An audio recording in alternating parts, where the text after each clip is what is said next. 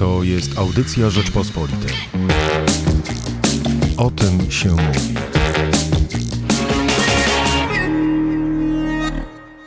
Dziś porozmawiamy o chyba nieco zaskakującym zwycięzcy tegorocznej nagrody Bookera, czyli o książce Shaggy Bane i jej autorze Douglasie Stewarcie. A ze mną jest Krzysztof Cieślik. Dzień, Dzień dobry. dobry. Tłumacz, krytyk literacki, poeta i co najważniejsze, polski tłumacz Douglasa Stewarta. Powiedzmy szczerze, że książka pierwsza i Stewarta, i pierwsza w tłumaczeniu na polski e, dopiero jest e, na Twoim warsztacie. Jak to w ogóle się stało, nim przejdziemy do samej nagrody i do samej książki, że zainteresowałeś się debiutem nieznanego szkocko-amerykańskiego pisarza i już przed tym, jak książka została nominowana, e, co też było, sama nominacja pewnie zaskoczeniem do nagrody Bookera, już e, zacząłeś szukać w Polsce wydawnictwa, które by tę książkę wydało. E, mniej więcej jak ta książka dostała nominację, może chwilę przed, zaczynała się aukcja tego tytułu w Polsce, to znaczy polscy wydawcy zaczynali się o niego starać. Natomiast ja na to trafiłem, wydaje mi się, w styczniu albo w lutym, po prostu czytając recenzję, ponieważ e, szukam książek do tłumaczenia. E, generalnie mam taką bardzo komfortową sytuację, że, że to nie jest mój główny zawód. To mój ulubiony zawód na pewno, ale nie główny, więc mogę sobie, sobie pozwolić na to, żeby tłumaczyć raczej to, co chcę, niż to, co jest mi zlecane. I mam super układ w wydawnictwie poznańskim z moim redaktorem Adrianem Tomczykiem, z którym po prostu bardzo tak ściśle współpracujemy, szukamy razem książek, zastanawiamy się, co warto, czego nie warto, więc y, szukaliśmy już wtedy dobrych parę miesięcy, bo byłem po tłumaczeniu świeżego Nico Walkera, który skończyłem bodaj w październiku, no więc to znaczy, że przez spokojnie 4-5 miesięcy nie przeczytałem niczego, co nadawałoby się na polski rynek i miałoby jakieś szanse się sprzedać, bo jakby tych czynników zawsze jest dość dużo, tak? Ja wiem, że nie wiem, mogę się interesować Bliskim Wschodem, którym się rzeczywiście interesuję, ale wiem, że takie książki u nas mają bardzo małe szanse, chyba że zostaną gdzieś dostrzeżone, tak? Dostaną jakąś nagrodę albo... A tu było po prostu tak, że, że znalazłem te recenzje, potem Adrian załatwił y, u agenta PDF, y, zaczęliśmy to czytać, obaj, obaj byliśmy zachwyceni. Ja naprawdę jakby to było coś takiego, że od razu wiedziałem, że to jest dobra powieść. To, no, jak przeczytasz te parę książek, to w którymś momencie raczej to czujesz, tak? Że, że, że z czymś takim rzeczywiście dawno się nie zetknąłem, a ja też po latach y, pisania o książkach mam coś takiego, że trudno, trudno mnie powieści do siebie przekonać, ponieważ nie, nie bierze mnie literatura piękna tak bardzo jak kiedyś. No to nie byłeś pewnie zaskoczony, jak e, Douglas Stewart dostał nominację do Bookera. E, nie powiedziałbym. Nie, byłem, byłem myślę bardzo zaskoczony, dlatego że po pierwsze ta książka wtedy nie miała jakoś dużo recenzji e, i nie była jeszcze głośna. Ona stała się głośna myślę dopiero po krótkiej liście nominowanych. Czyli ponieważ Booker działa tak, że najpierw publikuje dłuższą listę, która nie pamiętam, czy to jest 10 czy 12 książek. Potem jest shortlista z bodaj sześcioma. E, więc byłem zaskoczony, dlatego że ona też wyszła w małej oficynie e, w Stanach. Ona nie wyszła najpierw w Anglii. W Anglii premierę miała mniej więcej w okolicach nominacji do, do Bookera właśnie. Bo zdradźmy od razu, że Douglas Stewart no już w wieku 20 paru lat po prostu wyprowadził się do Stanów Zjednoczonych za pracą. Tak i obecnie jest projektantem mody e, i trochę myślę to widać w tej książce w jednej rzeczy, to znaczy w takim bardzo dużym wyczuleniu na szczegół, na wiem, materiały. To, to się tam zawsze pojawia, co jest z czego. To nie jest, nie chodzi o coś takiego, co jest bardzo irytujące, jakieś takie wymienianie marek, bo to zupełnie nie jest to. Natomiast y, krój, faktura, e, kolory to są rzeczy, które tam, tam stale, jakby to jest bardzo nasycone szczegółami, bardzo taka mm, powiedziałbym, mocno wizualna proza. To zdradźmy może czym w ogóle jest nagroda Bookera. Znaczy, pewnie o samej nagrodzie e, to każdy z naszych słuchaczy e, słyszał, ale już szczegóły, pomijając oczywiście to, że Olga Tokarczuk dostała tak zwanego międzynarodowego Bookera, no to szczegóły, komu się daje, za co e, i dlaczego mogły na pewno komuś umknąć. No więc mamy dwa bookery, tak? Jeden to jest ten międzynarodowy, czyli International Booker Prize, a drugi to jest Man Booker Prize, który jest nagrodą za powieść po prostu. Międzynarodowy Booker jest nagrodą za przekład. E, bierze się tam pod uwagę tylko te książki, które ukazały się w przekładzie na język angielski. Natomiast jeśli chodzi o zwykłego Bookera, obecnie bierze się pod uwagę wszystkie książki, które ukazały się w języku i zostały w nim napisane. E, niedawno to jeszcze była nagroda wyłącznie dla Brytyjczyków e, i wspólnoty narodów i bliskich po prostu wspólnocie narodów, narodów. Tak jest. To się zmieniło jakoś koło, nie wiem, 2014-15 roku, dokładnie nie pamiętam i już w pierwszym roku nagrody zgarnął ją e, Amerykanin, ale potem wszystko wróciło szczęśliwie do normy. Ja, ja, ja bym wolał osobiście, żeby to była brytyjska nagroda, dlatego że literatura amerykańska i tak tak bardzo dominuje e, na rynku światowym i tam on, Amerykanie mają samych swoich nagród bardzo dużo, bo w Wielkiej Brytanii tych takich ważnych nagród nie jest tak dużo. No, Booker jest zdecydowanie tym top of the tops, tak? To jest zdecydowanie nagroda, która robi pisarza. Ja w ogóle widziałem ostatnio informację, że chyba teraz y, Stewart miał dodruk typu 150 tysięcy egzemplarzy po, po Bookerze. A czy to jest nagroda, która rzeczywiście jest e, uznawana za tak prestiżową na całym świecie, czy my w Polsce po prostu mamy jakieś takie skrzywienie na brytyjską literaturę, że zawsze ten Booker nas tak podniecał? No myślę, że, że ona jest jednak uważana za prestiżową na całym świecie, chociaż w ogóle to jest tak, że z laureatami nagród też jest bardzo różnie. Na przykład bardzo prestiżowe nagrody typu Pulitzer czy National Book Award, które są nagrodami amerykańskimi, u nas różnie są traktowane. To znaczy, czasem zwycięzca się przebije, czasem się nie przebije. To naprawdę nie ma, nie ma absolutnie nie ma żadnej reguły. Wydaje mi się, że Booker jest nam bliższy i to nie wiem z czego to wynika. Wydaje mi się, że to jest trochę kwestia kulturowa. Mogę się mylić oczywiście, bo, bo to jest taka teza absolutnie robocza moja, natomiast częściej zwycięzcy Bookerów chyba, chyba przebijają się do jakiegoś polskiego mainstreamu literatury zagranicznej niż, niż zwycięzcy National Book Award na przykład. No dobra, no to takie wprowadzenie zrobiliśmy, odklepane, a teraz porozmawiajmy o literaturze. E, spróbujmy zrozumieć, dlaczego krytycy uznali właśnie tę książkę za najważniejszą książkę anglojęzyczną e, w 2020 e, roku, dlaczego ona dostała nagrodę Bookera. O czym to w ogóle jest powieść? To jest powieść o mm, rodzinie Bainów, powiedziałbym w pierwszej kolejności, bo właściwie nie wiem, czy tam jest główny bohater. głównymi bohaterami jest właściwie dwoje głównych bohaterów. To jest Agnes Bain, która jest matką e, tytułowego Shagiego Baina. E, Shaggy to jest w ogóle od e, szkocka wersja imienia Hugh. E, więc... E, Czyli on nie jest rozczochrany? Nie.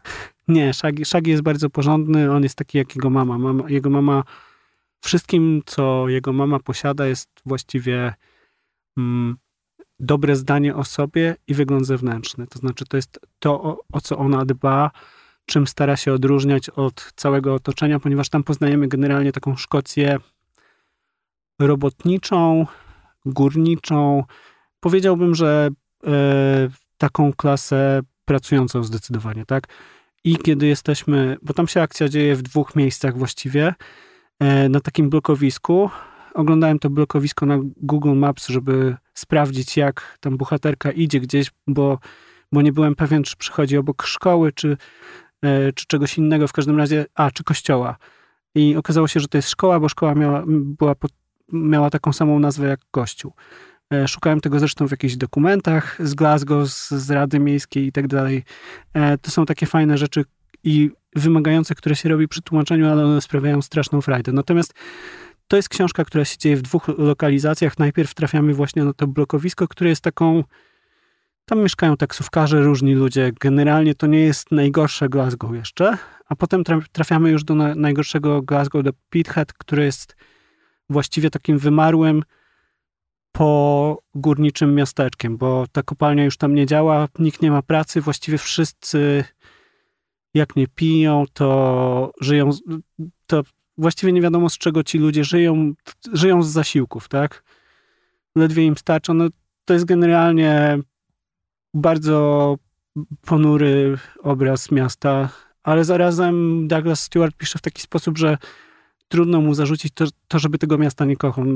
Ta miłość jest tam bardzo, bardzo wyraźna, natomiast no, jest, jest to naprawdę Glasgow lat, końcówki lat 70., 80., kompletnie w kryzysie. Tam chyba wtedy bezrobocie sięgało 30%, coś takiego. Czyli czasy reform Margaret Thatcher. Tak, tak, które się tam chyba nie najlepiej sprawdziły. Natomiast to też e, były czasy, w których generalnie angielski przemysł wpadł w kryzys. Jedna z bohaterek, e, siostra Szagiego, przyrodnia siostra, ponieważ Agnes Bain ma najpierw męża katolika, a potem męża, męża protestanta. Ten, ten wątek katolicko-protestancki też jest bardzo ważny, bo e, konflikt między jednymi a drugimi jest, jest jakby czymś naturalnym dla, nie tylko dla Celticu i Rangersów, ale, ale w ogóle dla, dla Glasgow. Natomiast e, jej córka e, i przyrodnia siostra Szagiego wyjeżdża z mężem e, do Johannesburga, do RPA za pracą po prostu. On tam pracuje bodaj w jakiejś stoczni. I czemu historia Szagiego i Agnes mm, robi na nas wrażenie? No właśnie, ja nie powiedziałem chyba o tym, co najważniejsze, bo to jest historia, oprócz tego, że to jest historia Glasgow i takiego bardzo rzeczywiście ponurego, przygnębiającego miasta, które, w których chłopaki wąchają klej, tak, a dziewczyna jest prawie zgwałcona, zgwałcona bo idzie nie tam, gdzie trzeba i tak dalej, to to jest też e, historia miłości przede wszystkim i historia alkoholizmu i odkrywania swojej tożsamości seksualnej. E, historia miłości jest, e, zresztą to jest powieść, myślę, w dużej mierze autobiograficzna, bo... Daty e, się zgadzają na pewno. Tak, i Douglas też ją dedykował swojej nieżyjącej matce, która była alkoholiczką, tak? I powieściowa matka też jest alkoholiczką, ale i rzeczywiście ona o te dzieci na swój sposób dba i w ogóle się nimi nie zajmuje zarazem, tak? E, ale ten główny bohater, czyli Shaggy, czy tam je, oni są oboje, tak jak mówiłem, głównymi bohaterami, widać, widać po prostu taką ogromną miłość z jego strony, zaborczość i tak dalej. I to wszystko się rozgrywa jeszcze między nimi, a, a ojcem, który odchodzi, jest taksówkarzem, zostawia tę trójkę dzieci i ją dla innej kobiety, która ma chyba czwórkę dzieci. Właściwie wszyscy w tym Glasgow trochę tak żyją. To jest, nie wiem, jakoś ciekawe, tak, że, że wszystkie te rodziny są trochę takie, dzisiaj powiedzielibyśmy patchworkowe, a do tego rozbite i to pewnie wszystko u, u źródeł tego wszystkiego jest bieda, tak? Tak bym sobie sądził. Natomiast no, to jest przede wszystkim piękna powieść o miłości e, rodzicielskiej. To jest powieść o, o tym, że młody chłopiec jest inny od innych chłopców i odkrywa, że jest gejem i dostaje przez to e, dostaje, zostaje obity przez chłopaków. A jeśli chodzi o formę? To jest bardzo klasyczna opowieść. To znaczy, to nie jest tak, że mm, to jest jakieś formalnie super ciekawe. Natomiast y, bardziej, bardziej to jest ciekawe na poziomie zdania, na poziomie emocji niż, niż na poziomie formy, dlatego że to jest bardzo klasyczna opowieść, która dzieje się zasadniczo chronologicznie. Znaczy zaczynamy od końca, ale potem już, już idziemy właściwie chronologicznie do, do upadku Agnes Bain i, i... To co tak właściwie ciebie jako tłumacza tak y, mocno, mocno tutaj przekonało? Język? Tak, język. Zdecydowanie to, że mm, to jest bardzo trudna angielszczyzna, czy też bardzo trudna skotczyzna, ponieważ tam te języki się mieszają. W ogóle bohaterowie mówią w bardzo różny sposób i to też jest bardzo fajne wyzwanie dla tłumacza, że y, musi pokazać, czy, czy umie pisać różnymi językami. To zawsze jest coś, co ja lubię, dlatego że y, książki, które się łatwo tłumaczy, nie zostają raczej. E, poza tym to jest książka, która na, na poziomie samego zdania jest bardzo trudna, dlatego że Douglas Stewart rzadko używa oczywistych słów tam, gdzie byśmy ich użyli. To znaczy, to nie jest pisarz, który napisze takie zdanie, e, że dzień był pogodny, albo że ktoś ruszył ręką, tylko on tą ręką coś zrobi trochę innego niż standardowy ruch i to jest bardzo trudne do oddania w polszczyźnie, dlatego że polszczyzna pewnych rzeczy nie przyjmuje. I trzeba się nagimnastykować, żeby z jednej strony to nie raziło czytelnika po polsku, a z drugiej strony, żeby też nie brzmiało e, właśnie, że ruszył ręką po prostu. Czyli nie było takie proste, a zarazem, żeby nie było, nie brzmiało obco, bo po angielsku to brzmi może trochę inaczej niż normalnie, ale zarazem nadal jakby to jest, to jest powieść, którą się super czyta podczas lektury, więc fajnie by było, gdyby to zostało też po polsku. Podobnie jest z dialogami, które co ciekawe, nie tylko są zrobione tak, że, że bohaterowie robotniczy mówią inaczej od, od tych bohaterów e, górniczych trochę. I nie tylko jest zrobione tak, że, e, że właśnie są takie różnice, ale nawet Agnes Bain, która e, jest taką wyrafinowaną, czy stara się być taką wyrafinowaną kobietą, czasem przechodzi na ten szkocki, jak na przykład albo jak jest pijany, albo jak jest w gniewie, kłóci się z mężem, więc to jest strasznie fajne, kiedy tłumacz ma duże pole do, do popisu, a tutaj ma. Ale też ma duże, du, dużą możliwość porażki, tak? Czyli wyzwanie. tak, zdecydowanie. No właśnie takiej książki szukaliśmy i, i tak jak e, mówiłem na początku, to była pierwsza książka, o której pomyślałem, że, że ona coś znaczy, tak? Że to jest książka, która na przykład ja już dawno napisałem właśnie mojemu redaktorowi, że to jest taka książka, która zostaje w kanonie szkockiej literatury, że, że wiesz, że trafienie takiej książki to jest coś, dlatego że ja na przykład tłumaczyłem trochę dobrych powieści, ale mam wrażenie, że jeszcze nic na takim poziomie. A ty miałeś doświadczenie już ze szkocką literaturą, z szkockimi pisarzami? Poza takimi oczywistymi y, czytelniczymi typu Irwin Welsh, to to w ogóle nie za bardzo, muszę powiedzieć. Ani, ani nawet lekturowo nie, nie czytałem dużo Szkotów, a, a tłumaczyć... E, miałem szkockiego bohatera w e, jednej powieści e, Louisa de Bernier, gdzie też było fajne to, że, że ci bohaterowie, tam miałem Irlandkę, żołnierza rafów. To jest, to jest strasznie fajne z punktu widzenia tłumacza, kiedy, kiedy bohaterowie różnie, różnie mówią i widać, że, że pisarz wie, jak pisać. To znaczy, wiesz, naj, najgorsza literatura to jest taka, kiedy, kiedy ona się sama tłumaczy, albo kiedy, e, kiedy nie widzisz różnicy między, wiesz, między zdaniem jednego bohatera a drugiego, albo kiedy wszystko brzmi jak, nie wiem, z poradnika poprawnej polszczyzny. A to porwałeś się w takim razie trochę na, na, na ziemię nieznaną, prawda? Jak nagle wchodzisz na teren Szkotów na teren Glasgow, gdzie zresztą, tak jak zauważyłeś, no jest ta olbrzymia mieszanka i kulturowa, i językowa. Nie mając dużego doświadczenia w tłumaczeniu takiej e, literatury, czy to nie, nie, prze, nie, nie, nie czułeś, że to możecie na przykład przerosnąć? Teraz od razu zapytam. Zawsze są takie momenty. To znaczy, ja przy wielu powieściach miałem ten moment, że mówię, o kurde, chyba sobie nie radzę, tak? Nie radzę sobie z Foerem, nie radzę sobie z Kunzru, Ostatecznie jakoś sobie, sobie radzę zawsze, ale są takie momenty też w tłumaczeniu. Tutaj mam tego bardzo dużo, dlatego że to jest książka naprawdę naszpikowana takimi rzeczami, których e, bez pomocy samego autora bym, bym nie wiedział, tak? Że jest taki dialog, w którym bohaterowie tylko rzucają hasła. Shaggy mówi double football i to jest coś, co absolutnie o czym ja nigdy nie słyszałem, co się nie googla, czego nie ma w słownikach, y, czego też nie wiedzą moi znajomi. To, to może całą historię opowiedz. Gdzie się pojawił ten double Dobra, no, mm, więc to jest taka, taka scena, w której, y, którą tłumaczyłem zupełnie niedawno i w której y, Agnes Bain trochę się boi tego, że nad Szkocję przyleci opad promieniotwórczy z Czarnobyla, bo jest rok 86. Ten opad podobno zmierza w stronę Irlandii. I ona się pyta Szagiego, e, co się stanie, jak, e, jak, czy jej wybieli pranie w ogóle. Ona się o to, bo ma jakieś tam takie rzeczy, które się już nie dopierają, a właśnie jest taką bohaterką, która lubi po prostu porządek, czystość i tak dalej. E, więc ona pyta o to, a on mówi, że, że, że nie, że, że prawdopodobnie wszystko to zostanie strawione.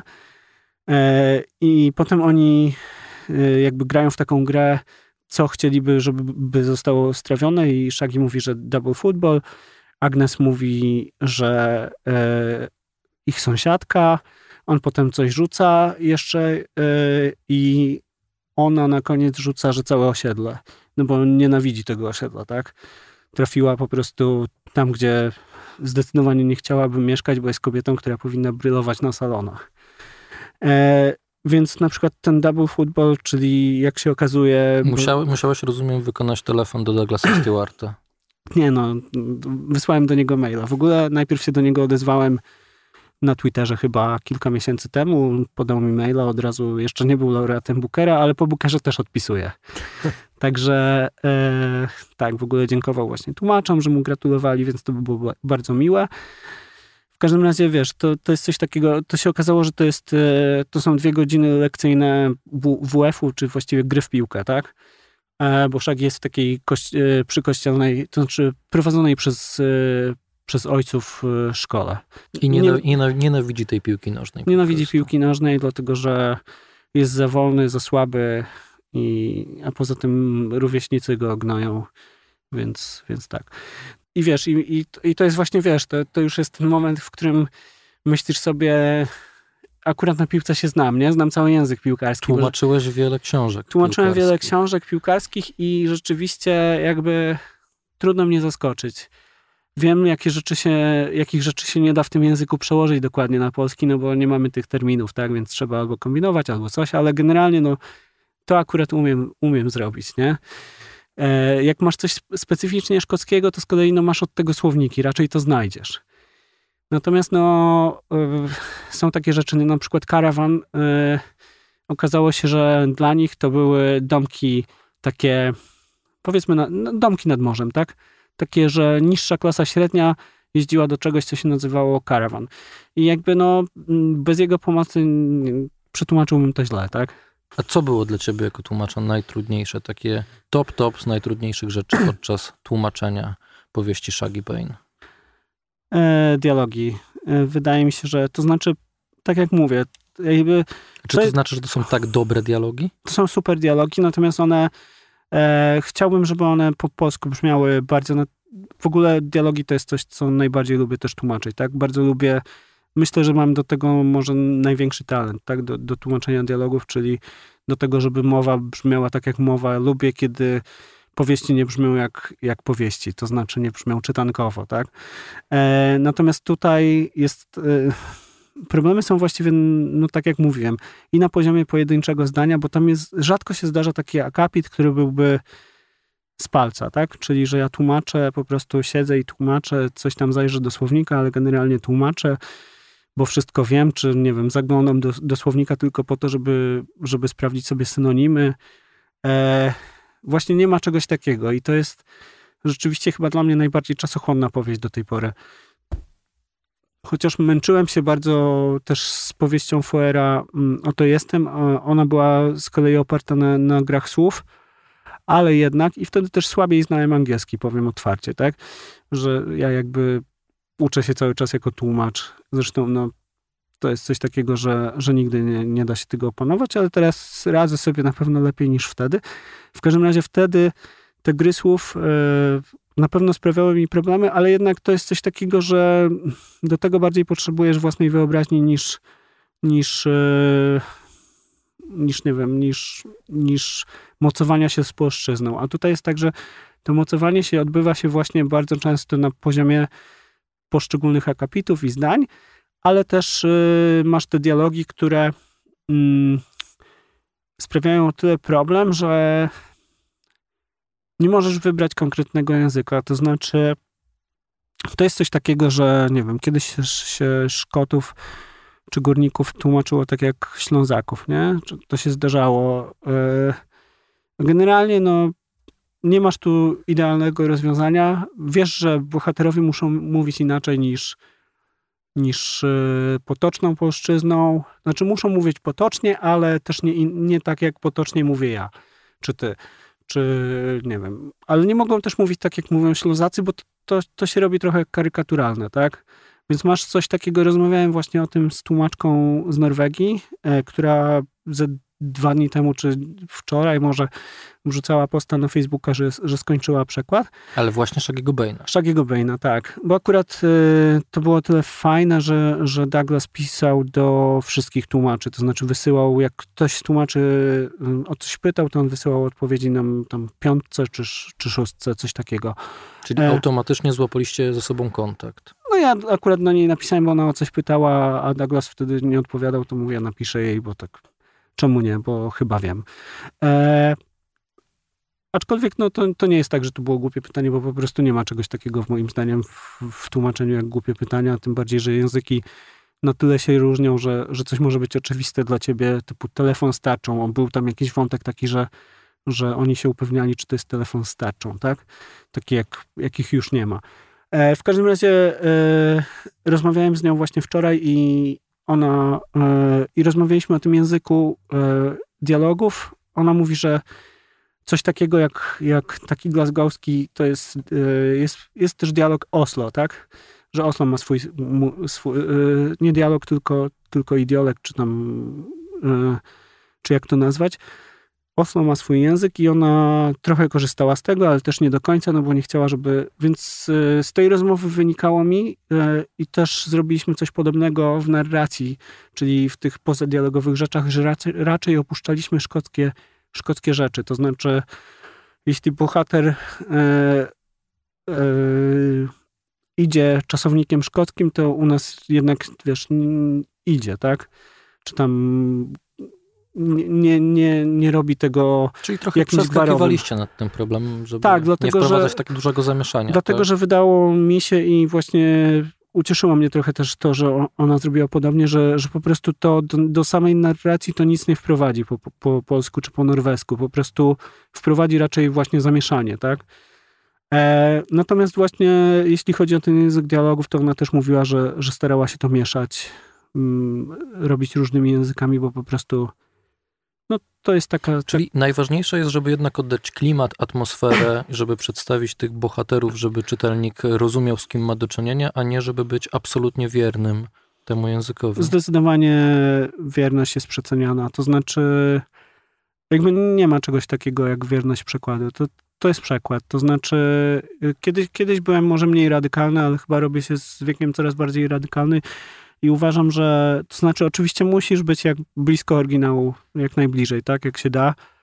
Natomiast y, piszesz po polsku i jakby polszczyzna ma swoje wymagania i możesz ją naginać. Jasne, możesz, możesz wprowadzać słowa, które trochę się różnią, trochę jakoś tam odstają. Natomiast tam, gdzie oryginał nie jest dziwny, nie możesz robić dziwnego zdania. To znaczy, jeśli, jeśli zdanie jest y, trzykrotnie złożone po angielsku, a, a po polsku trzykrotnie złożone zdanie okaże się koszmarem, to lepiej rozbić na przykład, tak? To, akurat no, to, to nie jest główny problem, ale, ale generalnie chodzi o to, że jednak to czyta polski czytelnik i on musi zrozumieć tę powieść. Mówisz, że nie poznałeś Douglasa Stewarta poza mailami, ale i tak chciałem zapytać o to, jakie na tobie zrobił e, wrażenie, bo wiesz, to nie jest człowiek, który ma jakieś formalne wykształcenie językowe. On marzył o tym, by studiować e, angielską literaturę, ale jak sam przyznaje, to akurat udało mi się szybko wygooglować, no został od tego odwiedziony przez e, jedną osobę, która mu dała do zrozumienia, że z jego pochodzeniem właśnie robotniczym, to może to nie jest najlepszy pomysł. Może niech pójdzie, pouczy się trochę o tekstyliach, to bardziej do niego pasuje. Mhm. I on rzeczywiście przez lata nie dawał po sobie e, poznać, że ta literatura go dalej ciągnie. Robił karierę w branży modowej, projektantem mody jest w Stanach Zjednoczonych, ale nagle no, wydał tę powieść, która zrobiła olbrzymie wrażenie e, na wszystkich, więc wydaje się jednak postacią, o którą warto zapytać i warto się zastanowić po prostu nad, e, nad tym, kim on jest, skąd u niego tak wielka wyobraźnia. Myślę, że z życia, tak? To znaczy, wiem, że to brzmi banalnie, ale wiesz, jak masz takie doświadczenia, to masz historię do opowiedzenia.